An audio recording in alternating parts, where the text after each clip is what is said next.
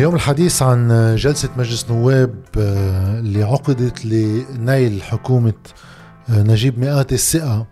في كتير من الحديث بينحكى بهيك شيء بس رح جرب واحد يكون مختصر قدر الإمكان لأنه أغلب الشيء اللي بده ينحكى بس هو تيدلل على هالمهزلة السخيفة اللي صارت. يعني طلعت من أي سياق بقى ضمن الأنظمة البرلمانية الديمقراطية. يعني عم نعمل حراضة انتخابية آه، هزيلة وفارغة. ونسميها إنه مؤسسات إنه يابا الحكومة بتقدم بيانها الوزاري اللي فيه مشروعها والمجلس النيابي بينقسم على هالمشروع وبيطلعوا النواب يحاججوا أنفسهم بعضهم كنواب. والرأي العام انطلاقا من اختلاف البرامج وين كن وين كل الحديث حديث انتخابي مع بعض الاستثناءات من كل هيدا المجلس. ما بعرف إذا في آه، عدد نواب عقد الإيد الوحدة يعني أنا رأيي أقل. فعليا قدموا شيء آه، من منطق شوي مستقل. مش ضروري بالانتماء السياسي الانتماء السياسي لازم يكون مستقل. بس من منطق إنه في نايب عم بيجرب يناقش شيء بالبيان الوزاري من منطق سياسي. مش من منطق هيك شعبوي آه، كاذب وكل همه واحد يحضر لانتخاباته. وكأن شيئا لم يكن. إذا بتطلعوا بالمجلس النيابي أصلا كناية عن 128 نائب معارض. كله بينتقد وكله بخبر شو الناقص وكذا. وآخر شيء رح ياخذ له شو بعرفني شي 100 صوت بالثقة شيء هيك. بقى الحديث بمحل منخاطب الناس بخبرية ومنوزع مسؤوليات كأنه آخر سنتين ما قطع كأنه هالمجلس النيابي هو منه مسؤول بكل فرد من أفراده عن وين وصلنا نحن لأنه لا كله بده يطالب وكله بصير يحط حق أخبار كتير كبيرة وقصص. بس تا واحد هيك يختصر الحديث ويمشي بالبيان الوزاري. يعني تنرجع على الأصل. لأنه كمان في شيء واحد معقول يعلق فيه إنه علي جبران بسيد مع قليل فرزلي وعلي علي عمار مع كلمة رولا الطبش بعدين جورج عدوان وكذا. أوكي كله بيروح بيعمل حكومة سوا بالآخر. يعني حتى القوات لو ما هن ما قبلوا يفوتوا بالحكومة لأن بدهم يحضروا انتخاباتهم من موقع معارض لأنه أسباب المعارضة تبعهم لا تمت لصلة كمان بليش كانوا عم يفوتوا على الحكومات اللي كانت قبل. يعني حتى وقت كان سعد الحريري بده يألف حكومة ما كنتوا مع سعد الحريري بحكومة وكان فيها حزب الله وكان فيها هالسياسة المالية. بقى مهم. هيدي مثل إنه بسبوا بعض واثنيناتهم بالحكومة واثنيناتهم يرجعوا بيعطوا الحكومة الثقة فهموا. بهيدا آه، البيان الوزاري بنبلش أول شيء هيك بالإطار العام. في حكومة جاي لسبعة أشهر يعني مبدئيا إلا إذا ما صار في انتخابات وبقينا تصريف أعمال مدري كم شهر ومش مستبعدة بهذا البلد. بس هلأ رسميا الحكومة جاية تقول أنا بدي أعمل انتخابات فهي حكومة السبعة أشهر. بسبعة أشهر واحد مفروض يعني بيانه الوزاري يكون كتير محدد وكتير واضح بسلم أولويات مقتضب مباشر تجي تقول ضمن الوقت المتاح لنا بدنا نعمل واحد واثنين وثلاثة وبوضوح. نرجع على خبرية هيدي البيانات الوزارية الإنشائية رح أمشي شوي فيهم. هلأ للنقاط اللي فيها بس تنضحك سوا يعني إنه عن شو عم نحكي نحن. أخبار من البيئة للصحة للتربية للرياضة. ماش موفرين شيء الشباب المغتربين آه شو بدكم؟ القطاع المالي اقتصاد صندوق النقد كله كله كله مندحوا شو بالبيان بجمل رب ربكم يفهم شو المطلوب منا. وهلأ رح نمشي ببعض النماذج. طيب دحوشته كلهم البيان الوزاري غير إنه ما في واحد يستخلص منها سياسة عامة واضحة يقدر يحسبكم على أساسها. جمل إنشائية قد ما بدكم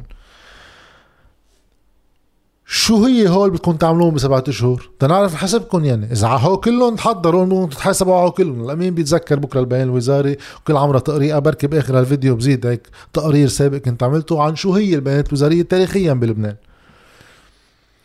نرجع على الشكل من بعد هيدا شوي بس واحد يجي بيان وزاري يعني سياسة عامة وفي عنا سبعة أشهر مفروض أولويات العوض بس ما في شيء نرجع على الشكل بهالمجلس النواب. قال بتمنى رئيس المجلس إنه كلمة لكل تكتل. حلو.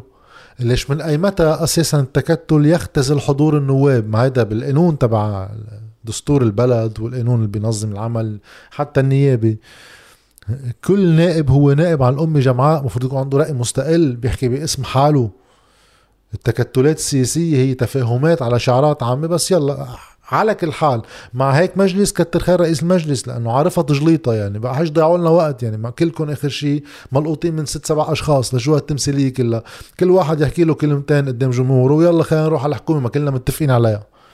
بس بالمظهر يعني مفروض مش هيك يكون مجلس نيابي لو فعليا هو مجلس نيابي مش دمى بإيد آه، ست سبع أشخاص بيحركوه كله.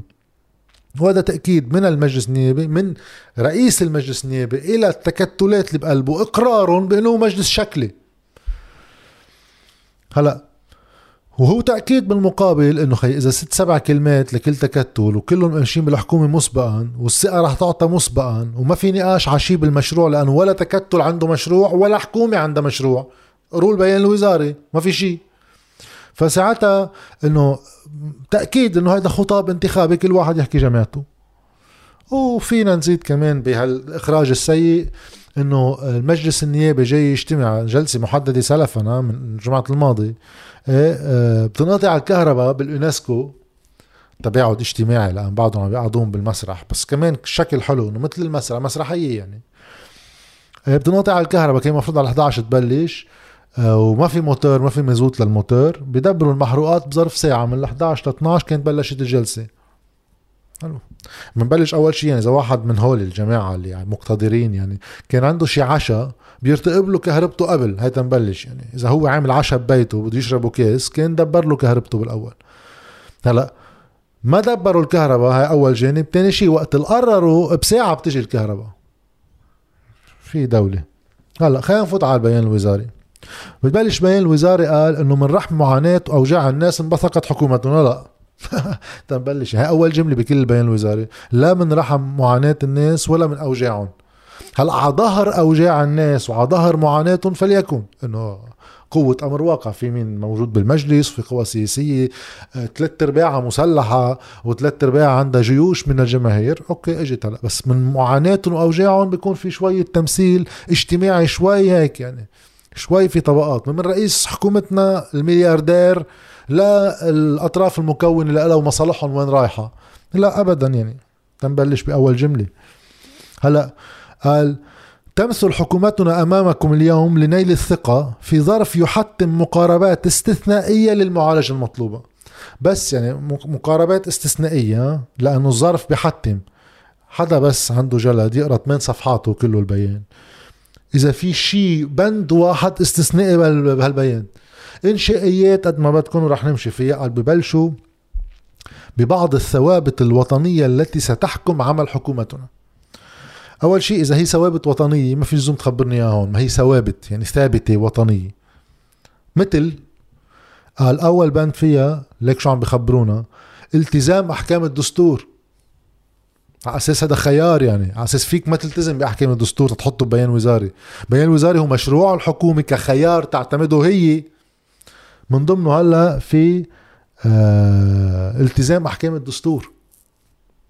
هلا بفهمها أنا لأنه شخص رئيس الحكومة نجيب مئاتي وقتها كان رئيس حكومه بال 2011 إيه هو مخالف الدستور إنه ما بعت موازنة وحدة على المجلس النيابي خلال السنتين ثلاثة اللي كان فيهم. هاي مخالفة للدستور مش للقانون. أه؟ هلا منيح استفاقه قد تكون مفيدة واحد يذكر إنه بدنا نحترم الدستور بهيك بلد.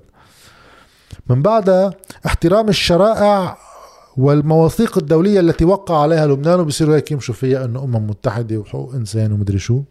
طيب وفي بما أنه هاي الحكومة في مدحوش فيها كل الناس. طيب في من ضمن المواثيق والشرائع اللي نحن مواثيق موقعتها الدولة اللبنانية مع سوريا بيمشي فيها رئيس الحكومة؟ هولي. التعاون والتنسيق مع سوريا؟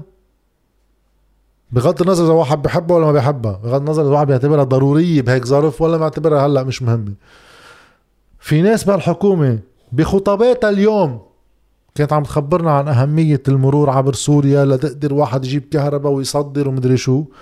وفي رئيس الحكومة بيحكي شيء تاني واثنيناتهم بقلب الحكومة واثنيناتهم رح يعطوا ثقة للحكومة.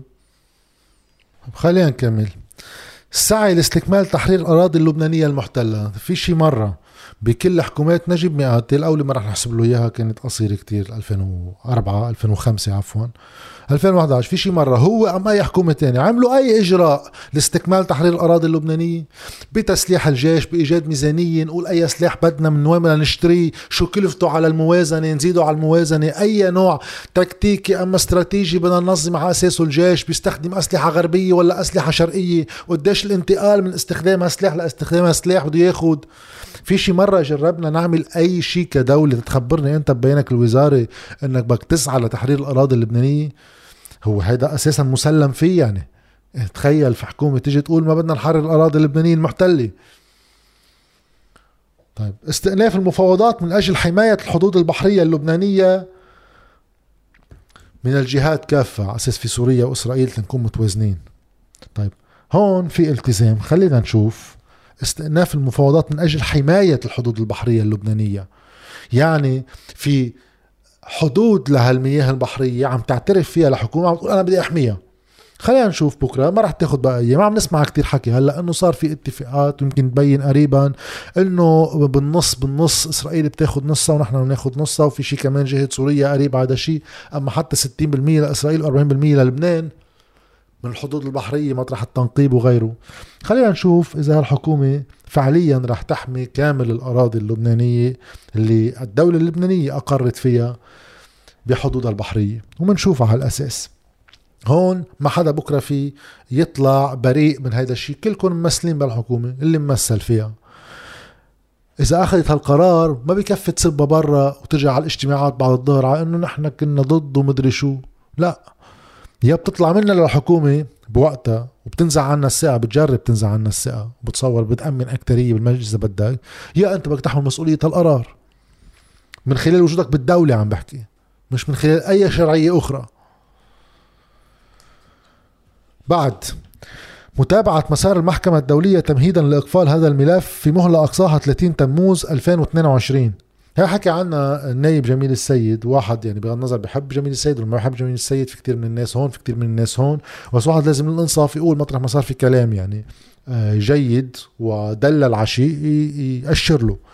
طيب قال إنه أنتم كيف بتقرروا كحكومة إنه هاي المحكمة بتخلص مسارها ب 30 تموز؟ يا الدولة اللبنانية ملتزمة بمسار المحكمة والمحكمة هي بتعرف أي متى بتخلص أنتم شو دخلكم؟ هذا غير إنه 30 تموز هي من بعد ما تكون خلصت ولاية الحكومة أصلا إذا في انتخابات نيابية انتخابات بايار تموز بعده بشهرين ثلاثة. بشهرين. طيب.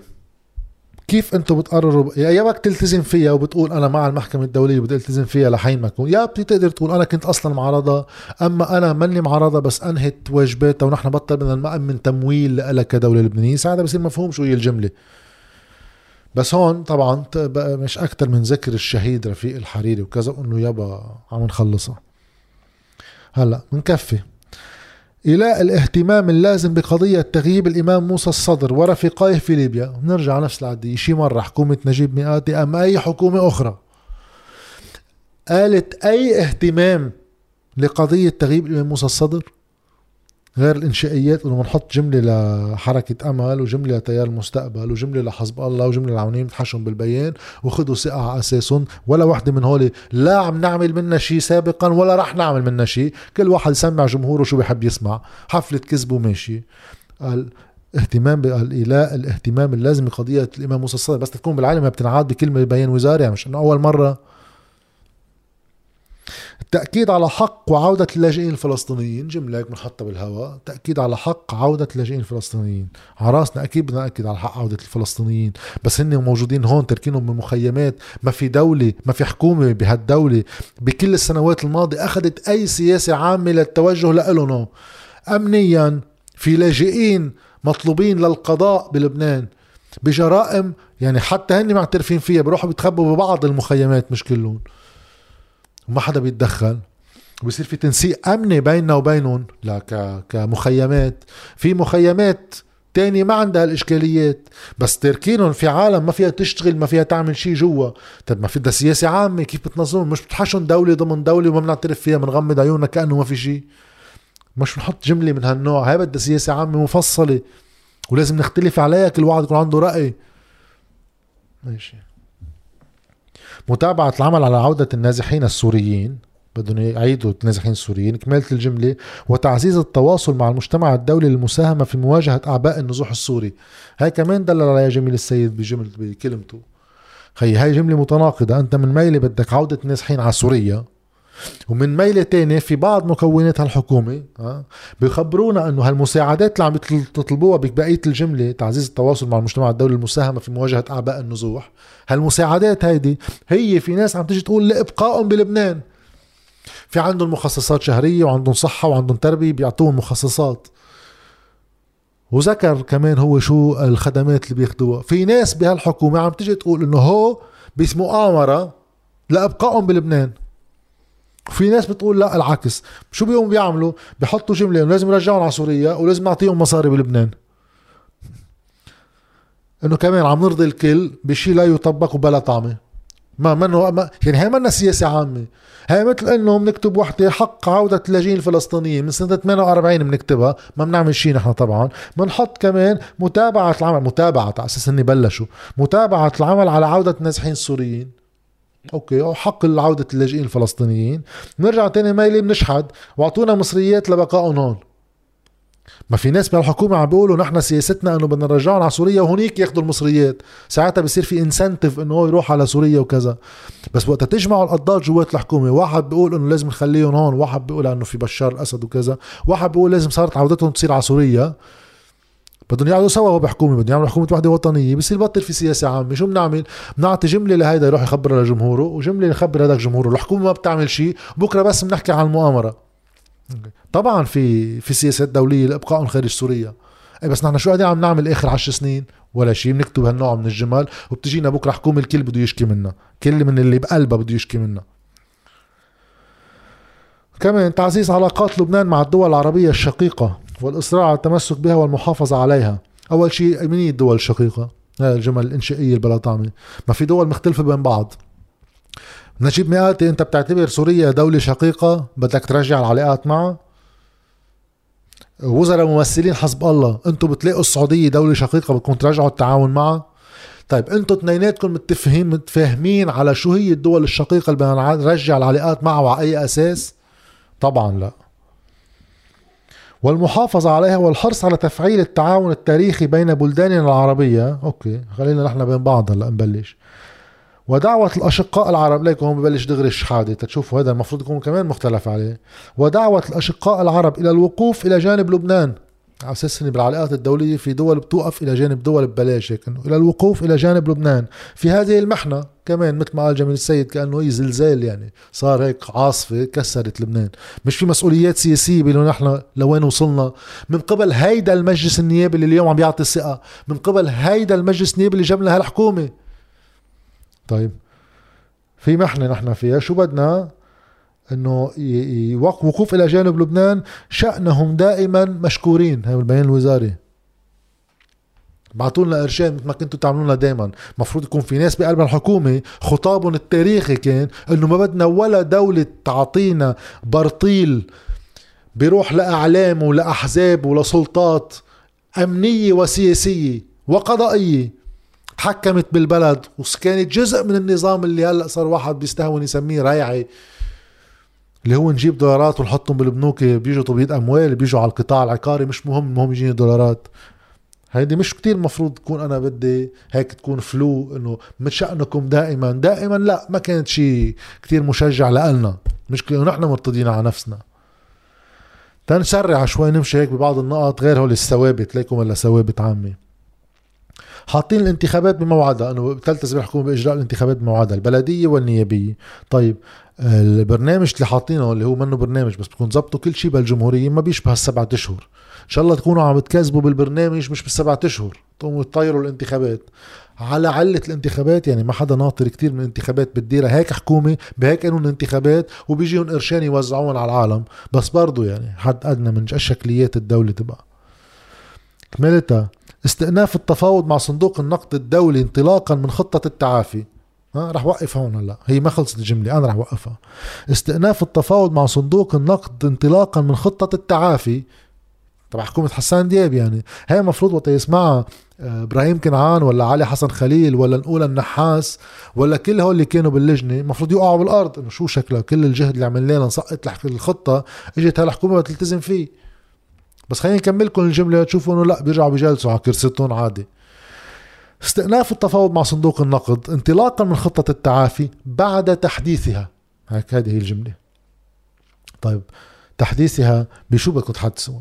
أنت هلأ مفروض بهذا البيان الوزاري أنت مفروض اسمك نجيب مئاتي. يعني عندك نقول النحاس اشتغل شغلته على المنابر التلفزيونية وطبعا بلجنة تقصي الحقائق بين هيك هن سموها بالطريقة. اشتغلوا ليل نهار ليطيروها للخطة جاي انت تلتزم فيها بس بدك تحدثها ضمن أي معايير ليش ما بتذكرون شو هي أصلا؟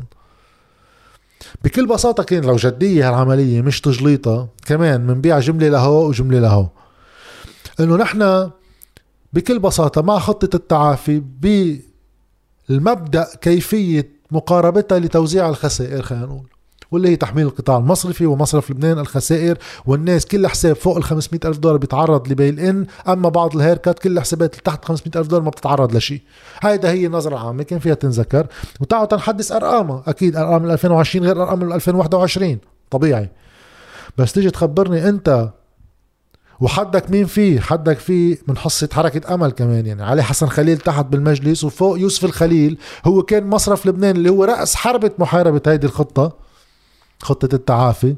قال هن بدهم يحدثوها للخطة هن بدهم يعملوا لها ابديتنج العوض بسلمتكم مشان هيك يعني تا شوي نعرف أنتم شو قصدكم بتحديثها كانت تستحق لها كلمتين هالخطة.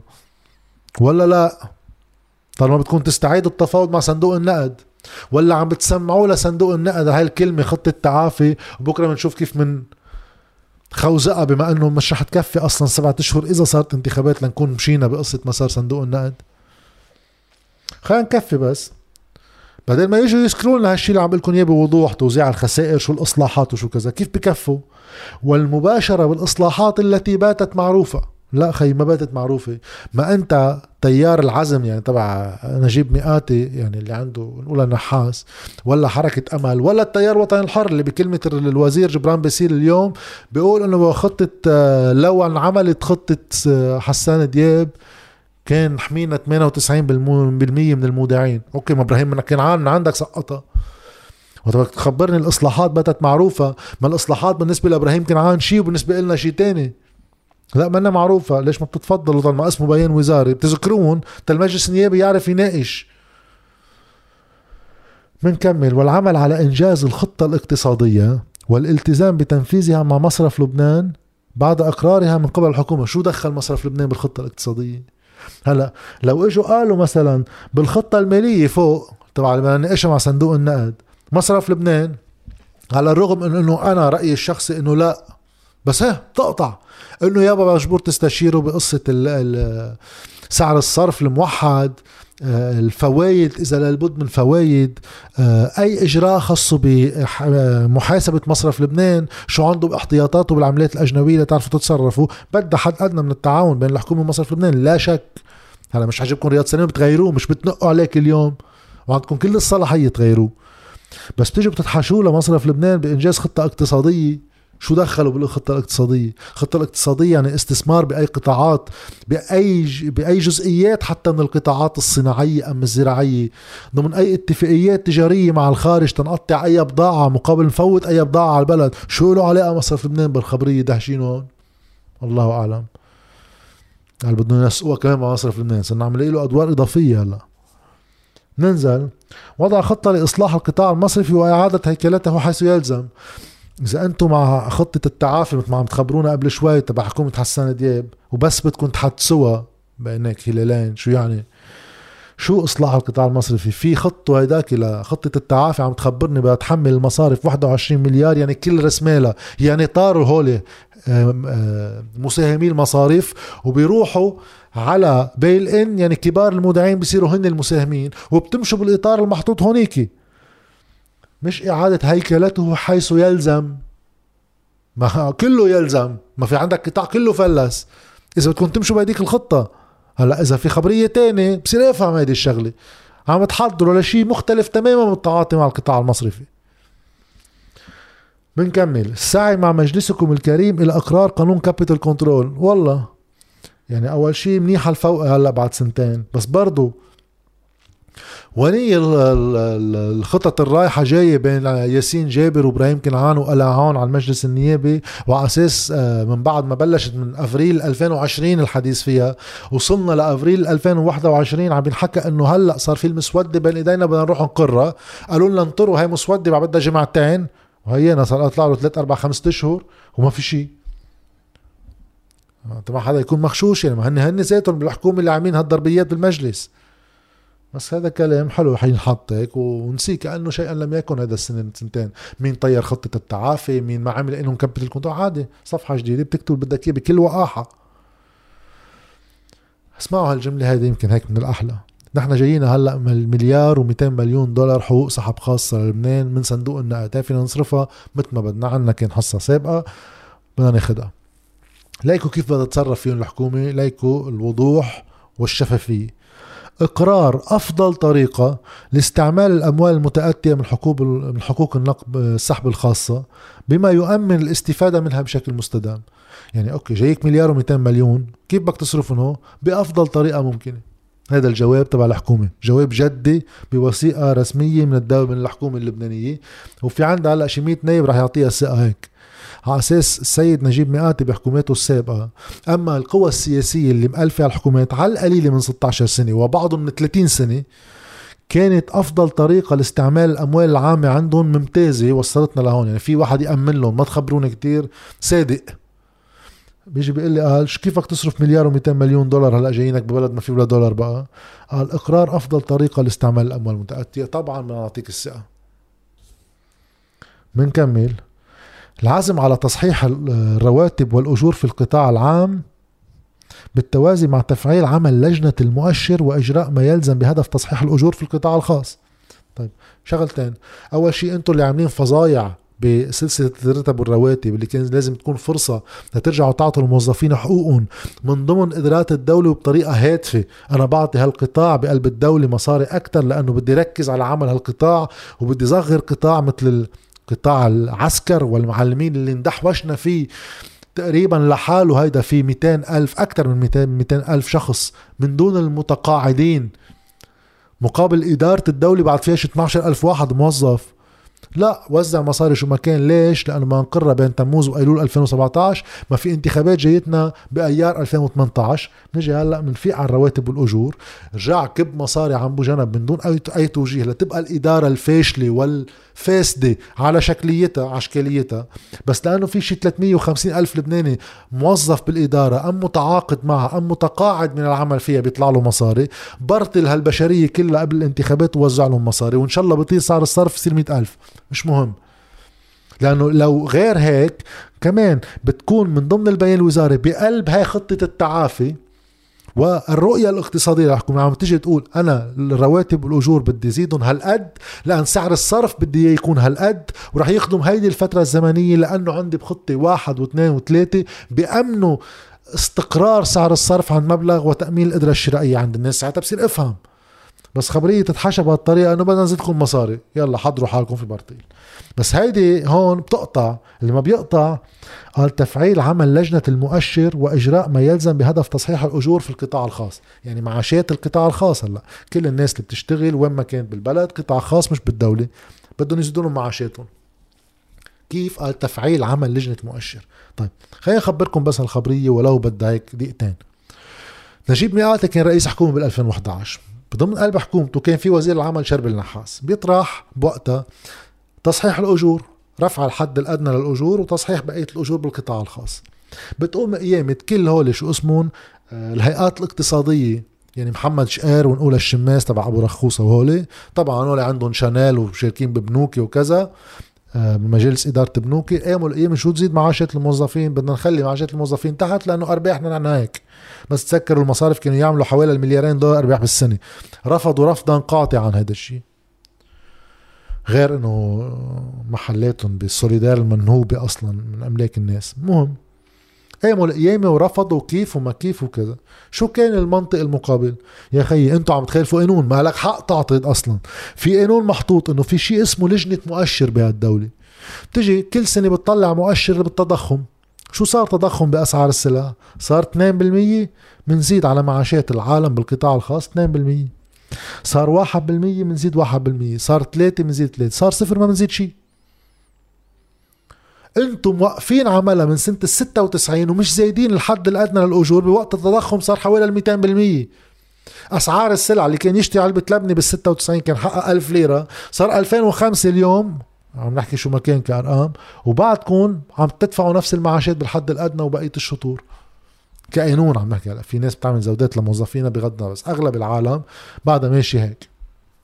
وطبعا في قصص تانية خاصة ب بدل النقل ضموا للأجر لكرمال وقت بدك تسحب مصرياتك من الضمان الاجتماعي بالآخر يكبر هيدي حصتك مش يطلعوا لك جزء منه براته كلها كان جزء من المشكل. بيقوموا بيطيروا طبعا لشرب النحاس وبيمضوا آه شيء بالمجلس النيابي إنه لأ نترك على حد أدنى من اللي كانت عم بتطالب فيه الوزارة وبنفصل آه بدل النقل عن أساس الأجر وقالوا من هلأ وبالرايح عم نحكي سنة 2012 هون صرنا كانت حكومة نجيب مئاتي. من هلأ وبالرايح كل سنة لجنة مؤشر بتعطيني التضخم وبنزيد المعاشات. كرمال تما نوقع بعد فترة إنه يزيد التضخم لدرجة يصير في مشكلة إذا زدناه ومشكلة إذا ما زدناه. لأنه إذا كبر كتير التضخم على عشر سنين إذا فجأة بدك تزيد المبلغ كله في مؤسسات تجارية ما بتحمل. وإذا ما زدته في موظفين كمان مش قادره تعيش. بقى لازم كل سنة عقد التضخم بيطلع لهم ساعتها. لا هي بحس بالتقل ولا هي بحس بالتقل وبيديروا أمورهم بمدى طويل. الحمد لله لا لجنة مؤشر ولا زودة أجور صارت من وقت لليوم ولا شيء. هذا هذا قانون مقدم بالمجلس وتصوت عليه وقال كان مخرج جابوا واحد من عند العونية وواحد من عند تيار مستقبل قدموا سوا. إبراهيم كنعان وإذا ماني غلطان يمكن يمكن إذا ذكرتي صحيحة آه خليني بعتقد هذه حباش بس ماني أكيد. طيب. ما انعمل شيء منه. هلا بيرجع مئاتي بعد. ما هو بلشت عنده ال ال الطبوس الكبير يعني بيجي هلا بده يخبرني. هي هي كمان في وقايحه شوي. الحد من الحد من التهرب الضريبي. هيدي وحدة بالبيان الوزاري مش وقفة التهرب الضريبي الحد. إنه خي ما توقفوا خالص يعني مثلا واحد بدخن إنه بقول لك خي مش قادر وقف تقول له خفف. إيه، هن هي حكومة لبنان عم تيجي تقول خيي تعوا تنحد من التهرب الضريبي. وقف التهرب الضريبي ما بده شيء بترفع السريه المصرفيه ساعتها ما بقعد يعلق لي الفرزلي مع جبران باسيل على سميلة مين النواب اللي حولوا مصاري لبرا. انت يا قليل فرزلي ارفع السريه المصرفية. ما انت عملت معركة لعدم رفع السريه المصرفية. وبطل نحط الحد من التهرب الضريبي ونحط وقف التهرب الضريبي والمحاسبة عليه بمقتضيات القانون. وتنخلص ما رح طول بقى أكثر من هيك طولنا كتير. في استقلاليه قضاء وفي مكافحة فساد وفي بدهم يجيبوا لنا كهرباء وبدهم يأمنوا لنا الصحة والتربية بدهم يظبطوها والصناعة والزراعة وتعزيز دور المرأة في الحياة العامة. موزرين وحدة. بس رح أقرأ آخر جملة لتكون هيك ما تعدنا به الحكومة. قال في الاغتراب. ليكل حكومتنا شو بتقول بموضوع الاغتراب؟ في لبنانيين عم بيهاجروا وهلأ مع استفحال الأزمة بطريقة مضطردة. بتغير المجتمع ببطل في كفاءات فيه بكرة إذا بدك تقوم بأي عملية إنتاجية ما عندك المهارات ولا القوة العاملة تقدر تعمل أي فعليا نمو اقتصادي. شو شافت حكومتنا من المغتربين؟ اسمعوني. في الاغتراب استعادة ثقة المغترب بمستقبل لبنان. أوكي المفروض كل الناس مش بس المغترب إذا النوايا منه. ووضع برنامج لتتبع الهجرة. عظيم هم تجيب بدهم يرجعوا يجيبون شكلهم. بهدف تمتين التواصل واجتذاب الرساميل والقوى العاملة والإبداع ومدري شو. حلو. حكومة لبنان بتجي للاغتراب قال بدها تعزز لهم ثقتهم بلبنان وتعزز التواصل معهم وتتبعهم ليجيبوا لنا مصريات لكل الناس اللي فلقونا إنه نحن بدنا نطلع من فلقونا لازم يكون عن حق لأنه لازم نطلع من اقتصاد ريعي ونروح على اقتصاد منتج مع إنه اثنين بدهم شوية شو يعني منتج وشو يعني ريعي ما في 100 قصة فيهم. منا قصة أبيض وأسود هي. بس كل اللي خبرونا انه النموذج الذي اعتمد من 30 سنة بانه نحن نهجر شبابنا ونجيب دولارات لنصرفهم ونحن ما بنعرف نصدر ولا دولار في حكومة كتبتها ببيان الوزاره هلا لازم نتبع هول المغتربين ونشوف وينهم وجيبوا لنا رساميل. وشيلوكم من كل طق الحركة الانتخابي اليوم كل واحد بده يحكي مع جمهوره وتشوفهم شو حكيهم البيان الوزاري. ولا شيء هول الجلسات بالمجلس النيابي بتتصور. ها بفوتوا كاميرات وبيصورون جلسات اللي بنعمل فيها قوانين تشريع حياتنا بأسرع حياتنا إيه هم ممنوع نصورهم هيك قرر رئيس المجلس وهيك آه، كل هذا المجلس قبلين وما حدا عم يعترض إلا قلة قليلة عم نرجع بنقول ما بنعدوا على أصابع اليد الواحده هاي بالنسبة للبيان وما تواخذونا طولنا.